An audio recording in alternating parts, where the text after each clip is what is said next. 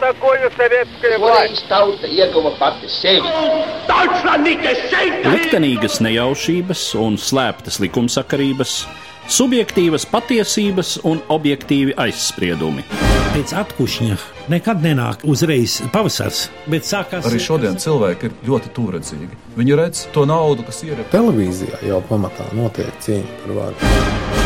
Pagātne no šodienas skatu punkta un šodienas caur pagātnes prizmu. Raidījumā šīs dienas acīm.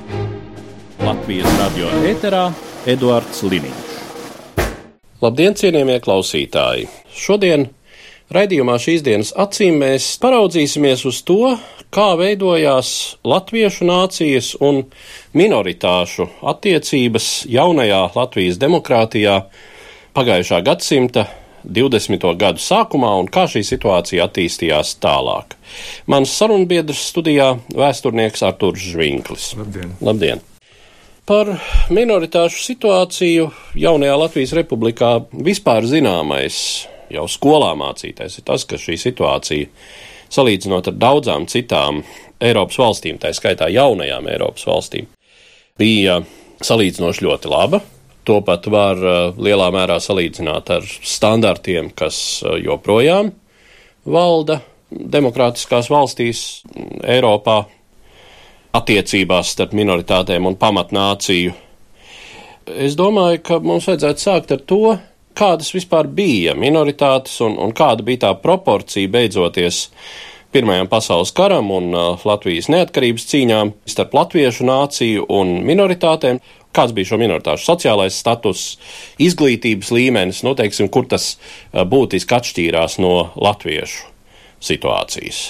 Beidzoties Pirmajam pasaules karam, un tas jau arī bija pirms Pirmā pasaules kara Latvija. Latviešu apdzīvotā teritorija, Krievijas impērija, šīs gubeņas bija iezīmīgas ar diezgan daudz nacionālu iedzīvotāju sastāvu. Un ziņāmas korekcijas, protams, ienesa Pirmais pasaules karš. Te jāatzīmē tāda lieta, kā pirmkārt varmācīgā ebreju deportācija no Kurzemes gubernijas pirms vācu karaspēka ienākšanas tur. Toreiz tika cariskā valdība un cara armijas virspavēlniecība uzskatīja, ka visi ebreji ir potenciāli vācu spiegi. Tādēļ notika ļoti, ļoti plaša Latvijas ebreju deportācija. Kas attiecas uz notikumiem Krievijā, tad jāņem vērā viens apstākļus, kad bolševistiskais apvērsums tam sekojošais pilsoņu karš izraisīja plašu emigrāciju. Krievu vidū ļoti daudzi krievi, kas nebija uz mieru dzīvot bolševistiskajā valstī, meklēja patvērumu ārpus Krievijas robežām, un zināma daļa atrada to arī šeit, Latvijā. Trešais jautājums par vācu minoritāti jāsaka, vēsturiski jau bija veidojušās ilgā laika posmā ļoti sarežģītas attiecības ar pamatnāciju, jo mēs visi labi zinām lozungu un plaši izplatīto tēzi par 700 gadu latviešu tautas verdzību vācu jūgā. Es tagad neņemšos analizēt, izspriest, cik šī tēze, kas vēl šodien tiek apspēlēta šādi politiskajā retorikā, bija pamatota vai nepamatota, bet jāsaka, ka tiešām vācu minoritātē ievērojams slānis bija tieši šis, kā toreiz varēja teikt, valdošais slānis. Tā bija vācu muizniecība, vācu faktiski vidusšķira pat augstāk par vidusšķiru cilvēki, kas ieņēma ļoti labu un augstu sociālo stāvokli, daudz augstāku nekā vidusmēra latviecis tajā laikā. Arī šis apstākļus jāņem vērā. Turklāt arī notikumos Latvijas teritorijā tas ir jau veidojoties neatkarīgai Latvijas valstī, liela daļa vācu minoritātes ieņēma diezgan nelabvēlīgu nostāju pret topošo valsti. Te jāņem eh, vērā plašā dalība eh, vācu kombinācijās, cenšoties izveidot tā saucamo Baltijas hercogu valsti, jāņem vērā arī vācu piedalīšanās Bermonta Vālova avantūrā, eh, tā kā šīs attiecības uz to brīdi nebija visai vieglas un arī vēlākā posmā pastāvēja sarežģījumi un radās jauni sarežģījumi. Nākamā tā laika ievērojamā nacionālā minoritātes grupa, protams, bija poļi.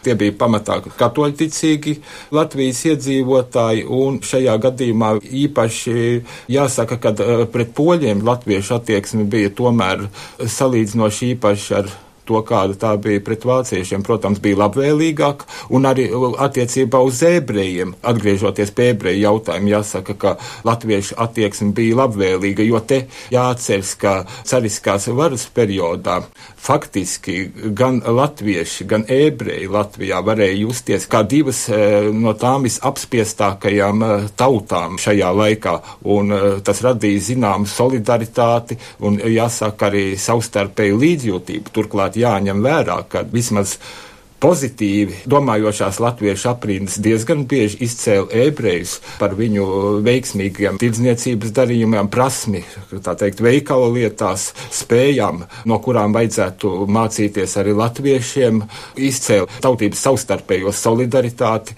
aicināja arī latviešu mācīties no tā, tas ir tā vērtējot šīs te starpnacionālās attiecības. Toreizējā Latvijā brīdī, kad tapa Latvijas valsts par vāciešiem, cik man ir nācies uzdot šos jautājumus tiešām viduslaiku un jauno laiku vēstures speciālistiem. Tad par 700 verdzības gadiem var runāt no ļoti nosacīti. Tā ir poētiska metafora, ko var lietot tādā nozīmē, ka, nu jā, šeit nepastāvēja latviešu valsts un, attiecīgi, šeit nebija latviešu feodāļu.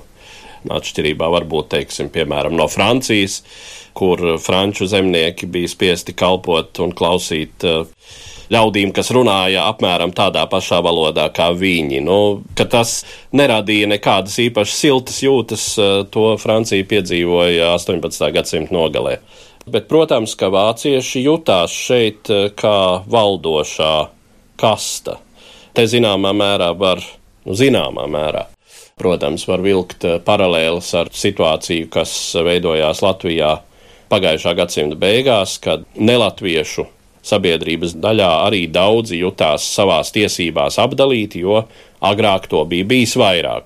Ar krieviem laikam bija drusku citādi, jo katrā ziņā manā priekšstatā šeit vispār tā krievu minoritāte, kas bija Latvijā, salīdzinoši ar vācu minoritāti vēl līdz Pirmajam pasaules karam bija salīdzinoši mazskaitlīga. Bija ierēdniecība, kura acīm redzot lielāko tiesu dažādās militāri politiskajās kataklizmās izsvaidīta un, un, un izdzenāta, un kā tāds vienots veselums faktiski vairs nepastāvēja. Nu, to pašu var attiecināt uz, uz Krievu virsniecību, cik nu tā šeit bija pārstāvēta. Bija kādi rūpnieki, droši vien kādi tirgotāji, kādi arī gruntnieki un tā tālāk, bet tas viss bija stipri nenozīmīgi. Un šķiet, ka, nu, ja runā par Krievu minoritāti, tad pēc Latvijas republikas atjaunošanas tas pamats sastāvs bija tie krievi, kas jau arī visai ilgi, jau, jau pāris gadsimtus vismaz bija mitinājušies Latvijas pamatā dienvidu austrumu daļā, proti Latgalē, nu tātad vecticībnieki vai arī pareizticīgie, kas tur bija apmetušies, un daži pierobežas pagast, kā zināms, jau pēc savu sastāvu. Izsenes bija bijuši vai nu Krievu vai Baltkrievu apdzīvoti. Nu, tātad tās ir slāvu minoritātes, un līdzīga situācija zināmā mērā ar poļiem, kas arī sevišķi tajā zemgales daļā, kas uz dienvidiem no Daugaus iestiepjas starp Latgali un Lietuvu, tātad Sēlijas pašā, pašā austrumu galā, kur tie daži pagasti ir vispār ar ļoti raibu etnisko sastāvu, un tur liela daļa bija arī poļu. Bet nu, tātad te nevar īsti runāt par eh, kaut kādām būtiskām tādām sociālām atšķirībām. Un līdzīgi jā, par ebrejiem, tātad, nu, kā zināms, nodibinoties Latvijas valstī, ebreji ir lielākā minoritāte katrā ziņā Latgales pilsētās.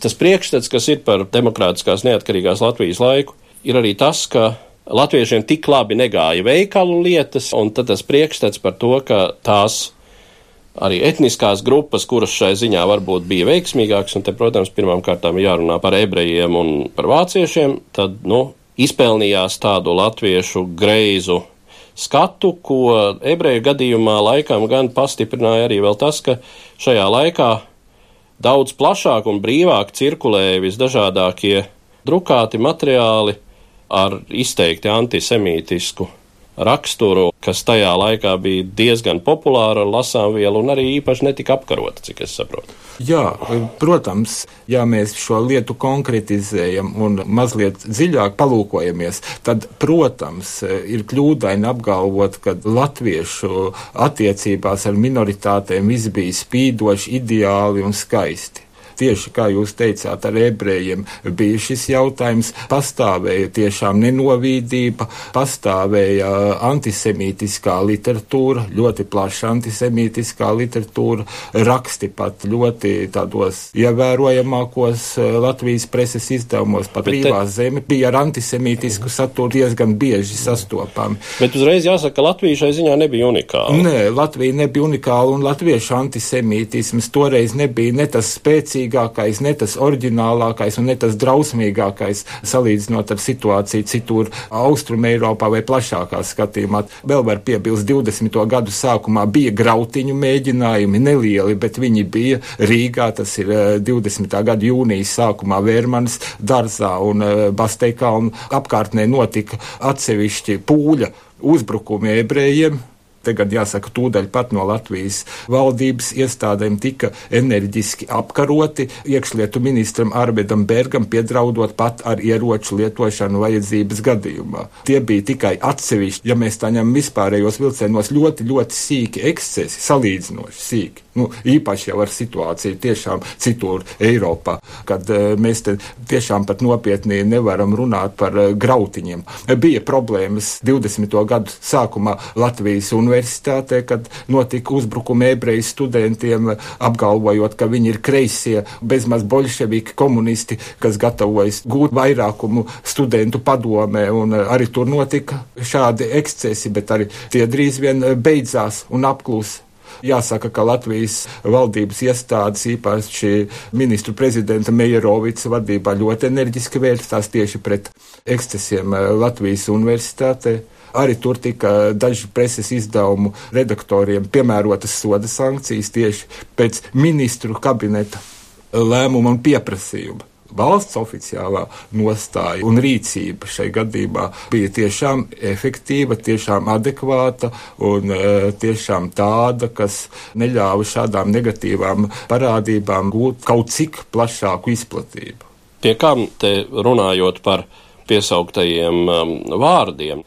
Arveids Bergs, nu ne tuvu nebija internacionālists pēc savas pārliecības. Arī par Zigfrīdu Annu Meirovicu īsti nevar teikt, ka viņš būtu brīvs no tādām nacionalistiskām tendencēm. Tā kā neskatoties uz to, acīm redzot, tomēr šis demokrātisko principu rāmis bija tik stiprs un vispārējais priekšstats par demokrātiskām normām un demokrātisko tiesiskumu tomēr tik pamatīgs, kā arī šādi cilvēki katrā ziņā rīkojās adekvāti šai situācijai. E, tieši tā, par Arveidu Bergu e, jāsaka, ka viņu diezgan pamatoti pēc tam uzskata par vienu no tādiem e, vadošiem latviskā antisemītisma pilāriem, balstiem pat. Tieši antisemītisma balstiem, bet viņa antisemītisms šai gadījumā bija ja var lietot tādu vārdu, pat kaut kur solīts. Viņam kategoriski bija nepieņemami, gan kad viņš atradās ministra amatā, iekšlietu ministra amatā, gan vēlāk. Šādi te ielu izrēķināšanās paņēmieni, grautiņi, pret to viņš vērsās kategoriski, jo pirmkārt bija diezgan, jāsaka, izglītots, spīdošs jurists, kurš uh, orientējās uz tiesiskuma principiem. Mēs jau faktiski esam nonākuši pie tā, kā tad principiāli veidojās šī valsts sistēma un valsts tiesiskais ietvars attieksmē pret dažādām minoritātēm. Varbūt, ka to varētu komentēt pirmām kārtām no tā viedokļa, kādi likumi tika pieņemti, kas attiecās tieši uz minoritāšu tiesībām, nu un vēl dažādu institūciju darbība, Vispirms sāksim ar tagad ļoti plaši un bieži citēto uh, Kārļa Ulmaņa runu stājoties Latvijas Republikas ministru prezidenta amatā 1918. gada 18. novembrī, kur viņš apsolīja un deklarēja, ka visu tautību tiesības Latvijā tiks nodrošināts. Es necitēju pārējo šo citātu, tas ir ļoti plaši zināms. Nu, un, protams, jāsaka, ka šajā gadījumā deklarācija pilnīgi atbilda tālākajiem eh, Latvijas valdības darbiem. Jau 1919. gadā tika pieņemti divi ārkārtīgi nozīmīgi likumi. Tautas padome 1919. gada 8. decembrī pieņēma likumu par mazākuma tautības skolu iekārtu Latvijā un attiecīgi likumu par Latvijas izglītības iestādēm. Tie bija ļoti būtiski dokumenti tieši attiecībā uz turpmākajām attiecībām Latvijas minoritātēm. Tā likums par mazākumu tautību skolu iekārtu Latvijā jau savā pirmā pantā noteica, ka šī mazākuma tautības skolu iekārta savā organizācijā ir autonoma. Tā tad atstāta pašas konkrētās mazākuma tautības izlemšanā un ziņā. Otrais pāns noteica, ka valsts un komunālo iestāžu uzturētajām skolām atbilstoši iedzīvotāju skaitam piemērīga daļa, tātad minoritāšu iedzīvotājiem skaita piemērīga daļa izglītība būtu jādod minoritātēm un jāatver viņu skolas vai klases, ja tajās salasās vismaz 30 bērnu. Savukārt 41. pāns lielajā likumā par Latvijas izglītības iestādēm noteica, ka valsts un komunālās iestādes uztur ik katrai tautībai tik daudz obligatorisku skolu, cik vajadzīgs viņu bērnu izglītošanai. Tātad valsts uzņēmās finansēt mazākumu tautību skolas Latvijā. Ja mēs tā paskatāmies uz šodienas norisēm, tad viens otrs pretendents uz jaunās saimas deputāta godu dzirdot jautājumu par to, kā viņš konkrēti domā gādāt par mazākumu tautības skolām noskalda, ka uh, mums nebūs nekādas mazākuma tautības skolas, mēs gādāsim tikai par latviešu skolām. Pilnīgi pretrunā ar to politiku, ko Latvijas republika bija mantojusi. Ja mēs vēlamies konsekventi uzskatīt sevi par tās valsts turpinātājiem, kur toreiz 1918. gada 18. novembrī tika izveidota. Šādām runām, protams, pilnīgi nebūtu eh, ne mazākās vietas. Un ir kļūdaini domāt, ka toreiz minoritātēm šie izglītības likumi pavēra iespēju, nu tad viņi pilnīgi norobežojas, ir pilnīgi autonomi, mācās tikai savā valodā, par Latviju neinteresējas. Arī tā ir pilnīga kļūda, jo šis likums noteica, Latvijā valsts valoda mazākuma tautības skolās mācām no otrā gada pamatskolā un attiecīgi Latvijas vēsturi un geogrāfiju mācām valsts valodā.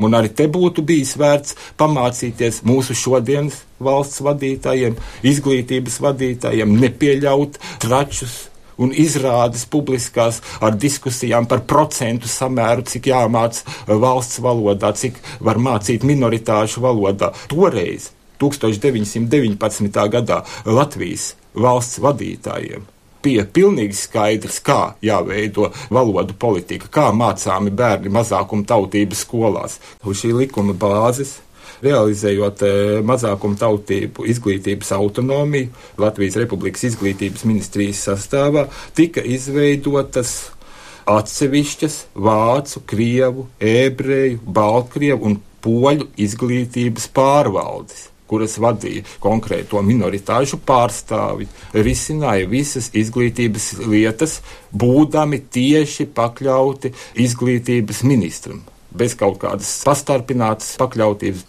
Runājot par šodienas situāciju, protams, galvenais arguments, kāpēc tad mēs rīkojamies citādi, tas, ka latviešu nācijas situācija salīdzinot ar tiem laikiem ir mainījusies, ir bijis asimilējošais spiediens padomju aneksijas periodā, un e, joprojām nelatviešu sabiedrības daļa ir daudz pašpietiekamāka visās savās izpausmēs e, publiskajā telpā, bet pirmskara Latvijā šī sistēma nevar teikt, ka būtu īpaši veicinājusi, kā šīs minoritātes e, tāpēc, ka tām ir tik plašas tiesības un konkrēti izglītības jomā, būtu mazāk lojālas Latvijas valstī, drīzāk jau otrādi. Un es domāju, ka diezgan nepārprotami zināms nelojalitātes uzbangojums uh, pret Latvijas valsti, kas, manuprāt, nav pārvarēts joprojām, bija tieši šī skolu reforma ar uh, jau pieminētajiem procentiem latviešu valodā, cik tas ir mācīšanas metodikas viedokļa, pareizi, nepareizi, tas ir pavisam cits jautājums. Bet, eh, manuprāt, lielākā problēma tā, kā tas tika pasniegts. Šīm minoritāšu skolām un vispār šai sabiedrības daļai kopumā apmēram tādā mērcē, ka nu jūs vienreiz dabūsiet redzēt, kurš ir šai zemē īstenais saimnieks, kurš te ir noteicējis, un mācīsieties tādā valodā, kādā mēs jums liksim. Es te gribēju piebilst tikai vienu lietu, atgriežoties, ko es vēl nepateicu, nedaudz par, par pagātni un nedaudz salīdzinot ar šodienu. Bija vēl viens momentiņš. Parlamentā, satversmes sapulcēs, saimā ievēlētie mazākumu tautību deputāti bija tiesīgi runāt vai nu latviešu, vai krievu, vai vācu valodā. Toreiz deputātam Latvijas, vienalga pie kādas tautības viņš piederēja. Goda lieta un profesionālais princips bija zināt šīs visas trīs vietējās valodas. Bez tā būtībā cilvēks normāls nevarēja pretendēt uz jau kādu nozīmīgu valsts amatu. Toreiz neviens neuzskatīja, tiešām 20. un 30. gados, neviens izglītots latviečs, ka viņš, zinot krievu, vācu valodu, kļūst par krievu vai vācieti pati šī nostādne ir pilnīgi, manuprāt, aplama un absurda un tieši latviešu tautai kaitējoša. Jebkura nezināšana, protams, ir trūkums, nevis priekšrocība. Tas attiecas gan uz tiem, kuri deklarē, ka viņi kategoriski nemācīsies latviešu valodu, gan, protams, arī uz latviešiem, kuri tādu vai citādu motīvu dēļ negrib mācīties krievu valodu. Tas, ko mēs joprojām bieži vien sastopam mūsu gan politiskajā diskursā, gan plašāk sabiedrībā, ir tā otra tendence, kura pastāvēja faktiski jau arī Latvijas republikā pirms otrā pasaules kara, proti princips Latviju latviešiem. Lozungs, kuru lietoja diezgan plašs politiskais spektrs, sākot ar radikālām, periodiski legālām, periodiski nelegālām organizācijām, kā Pērkoņa krusts un šīs organizācijas priekšteči, gan oficiāli atzītas labējās politiskās partijas, un te mēs droši vien varam minēt atkal jau to pašu Arvedu Bergu un viņa Nacionālo apvienību, bet arī atsevišķi politiķi, kas piederēja pie tās pašas zemnieku savienības, piemēram, savas tendences bija sociāldemokrātos, faktiski tā saukto sociāldemokrātu mazinieku atšķelšanās no Latvijas sociāldemokrātiskās strādnieku partijas lielā mērā bija saistīta ar to, ka lielās sociāldemokrātu partijas politika šiem maziniekiem šķita pārāk nenacionāla. Nu, tātad, ko toreiz nozīmēja šis princips Latviju latviešiem? Diezgan sarežģīts jautājums.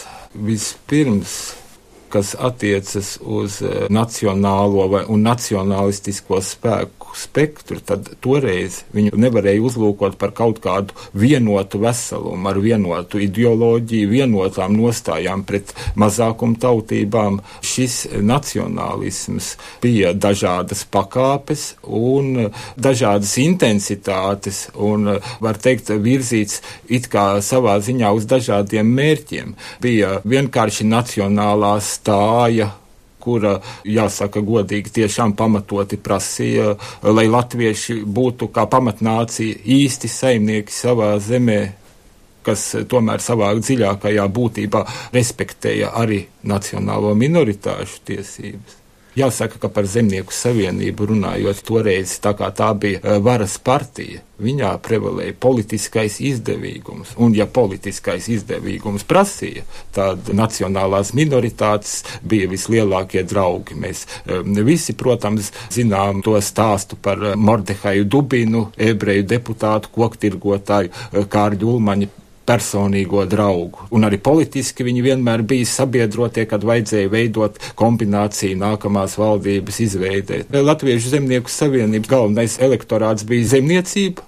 saimnieki, lauksaimnieki, un e, viņiem nebūtu pirmkārt ebreji nebija vai kāda cita mazākuma tautība, konkurence lauksaimniecībā. Šeit e, nebija savstarpējā antagonisma, savstarpējās konkurences. Cita lieta bija latviešu uh, namsaimnieki, kuriem bija šī konkurence ar ebreju namsaimniekiem, ar ebreju latviešu tirgotāju un ebreju tirgotāju. Tāpat iezīmējās arī pretrunas lielā daļā latviešu studentības, kura ebreju studentos saskatīja konkurentus sev bija arī, ko mēs šodien sauktu par nacionālu radikālo spārnu, jeb ekstrēmi nacionālo spārnu. Te nu tiešām bija gan legālas, gan vairāk nelegālas organizācijas, gan uh, organizācijas, kas sāka darboties kā legālas un pēc tam tika iedzītas pagrīdē. Nu, un, protams, galvenā no tām uh, bija organizācija Ugunskrusts, kuru vēlāk un vairāk pazīst kā organizācija Pērkoņkrusts, jo bija jāmaina nosaukums, tāpēc, ka organizācija Ugunskrusts Latvijas Latvijas eh, valsts iestādes par viņas ekstrēmo nacionālismu aizliedz. Pateicoties Latvijas valsts diezgan konsekventai reaģēšanai uz eh, pērkonu krustu izdarībām, reizē šī organizācija bija vismaz sākotnēji diezgan savaldīga un pat bailīga. Tuvinot mūsu sarunu noslēgumam un apkopojot to visu, ko mēs šodien izrunājām par latviešu un mazākumu tautību attiecībām pirmskara Latvijā, skatoties uz šodienas situāciju, kad no vienas puses daudz stingrāki ir tie rāmī, kurus jebkurai darbībai uzliek starptautiskie standarti. No otras puses, protams, šķiet, ka latviešu sabiedrībā tolerance, nu, ja ne ir gājusi mazumā, tad tā varbūt ir citādi vērsta un kaut kā citādi izpaužas. Ja mēs paskatāmies uz pirmskara Latviju, Varbūt vēlreiz, ko mums tomēr būtu no tā mācīties šodien? Mēs aizvien turpinām un esam mantojuši šo negatīvo, stereotipisko, aizvainojošo pieeju pret mazākumu tautībām kura toreiz bija bieži sastopama, bet eh, tagad reizēm sastopama pat vēl biežāk tieši retorikā. Pilnīgi pareizi teicāt, ka savstarpējā cilvēku ikdienas saskarsmē to nejūt, un tā nav, un paldies Dievam, ka nav. Bet publiskajā telpā izteikumos un tēzēs. Tā ir bieži sastopama. Nu, es te konkrēti minēšu uh, attieksmi pret uh, krievalodīgajiem, pret krieviem. Tā bieži ir aizskaroša. Toreiz, 20. un 30. gados, kaut ko tādu arī atļāvās pret ebrejiem. Šodien neviens, protams, pret ebrejiem kaut ko tādu atļauties publiskā telpā. Ebrejiem nācās izciest holokaustu nācās samaksāt ar absolūtā vairākuma savus kopienas bojājuši šeit Latvijā. Un arī starptautiski to eh, vajadzēja atzīt, vai vismaz Eiropā. Šodien tas būtu cilvēcības tabū. Es citu vārdu neatrodu, ko nozīmē, ja kāds atļautos publiskā telpā, un arī Latvijā tā skaita eh, antisemītiskus izliecienus. To pašu būtu jātiecina uz jebkuru nacionālo minoritāti, kas šeit dzīvo Latvijā. Faktiski normālam stāvoklim būtu jābūt tad, ka par antikrieviskiem izteikumiem vai kādu citu mazākumu tautību Latvijā aizskarošiem izteicieniem šāda persona tiešām vairs publiskā telpā varētu neparādīties. Tas būtu normāli. Un tas pats, konkrēti tas pats attiecas uz to, ja kāds būs atļāvies aizskārt latviešu tautu. Principam ir jābūt vienādam pret visām tautībām. Ebreji to ir izcīnījuši samaksājot drausmīgu cenu. Nu, nevajag gaidīt, kad eh, tiešām būtu jāiet vēl kaut kādai briesmīgai pieredzēji cauri, lai mēs attiecinātu to uz jebkuru Latvijā dzīvojošo tautu, ieskaitot gan latviešu tautu, gan visas mazākuma tautības, kas šeit dzīvo. Tas princips, es domāju, ir ļoti, ļoti būtisks šajā ziņā. Jā, nu faktiski tas arī ir secinājums, ar kuru mēs šodienas raidījumu varētu noslēgt. Proti, ka vienīgais iespējamais ceļš ir ievērot cieņas un uh, respektēšanas principu pret visu tautību tiesībām šeit Latvijā, un tad arī latviešu nācijas tiesības šeit cieņpilna attieksme pret latviešiem būs pats par sevi saprotams jo, princips. Jo, jo, godīgi runājot, mēs taču redzam ikdienas dzīvē, es pats dzīvoju rajonā Rīgas, ko uzskatu par diezgan krievisku tā ir bolderāja, bet skaidri redzams, īpaši tas attiec uz jauno paudzi. Cilvēki mācās latviešu valodu, zina un lieto. Manuprāt, vietā ir vienkārši tiešām pajautāt mums pašiem sev, latviešiem, cik daudz mūsu vidū ir tādi, kas ļoti perfekti paši lieto savu dzimto valodu, ļoti perfekti, pareizi viņā runā, ļoti pareizi viņā raksta. Un tad mēs ieraudzīsim diezgan, manuprāt, bēdīgu ainu priekš mums pašiem. Tā kā par to arī derētu padomāt šajā gadījumā. Ar tādiem secinājumiem, tad es domāju, mēs arī noslēgsim mūsu šodienas sarunu, kas bija veltīta minoritāšu situācijai jaunajā Latvijas valstī pirms 90 gadiem, un saku paldies manam sarunbiedram, vēsturniekam Arturam Žvinklim. Par pagātni sarunājas Eduards Līniju.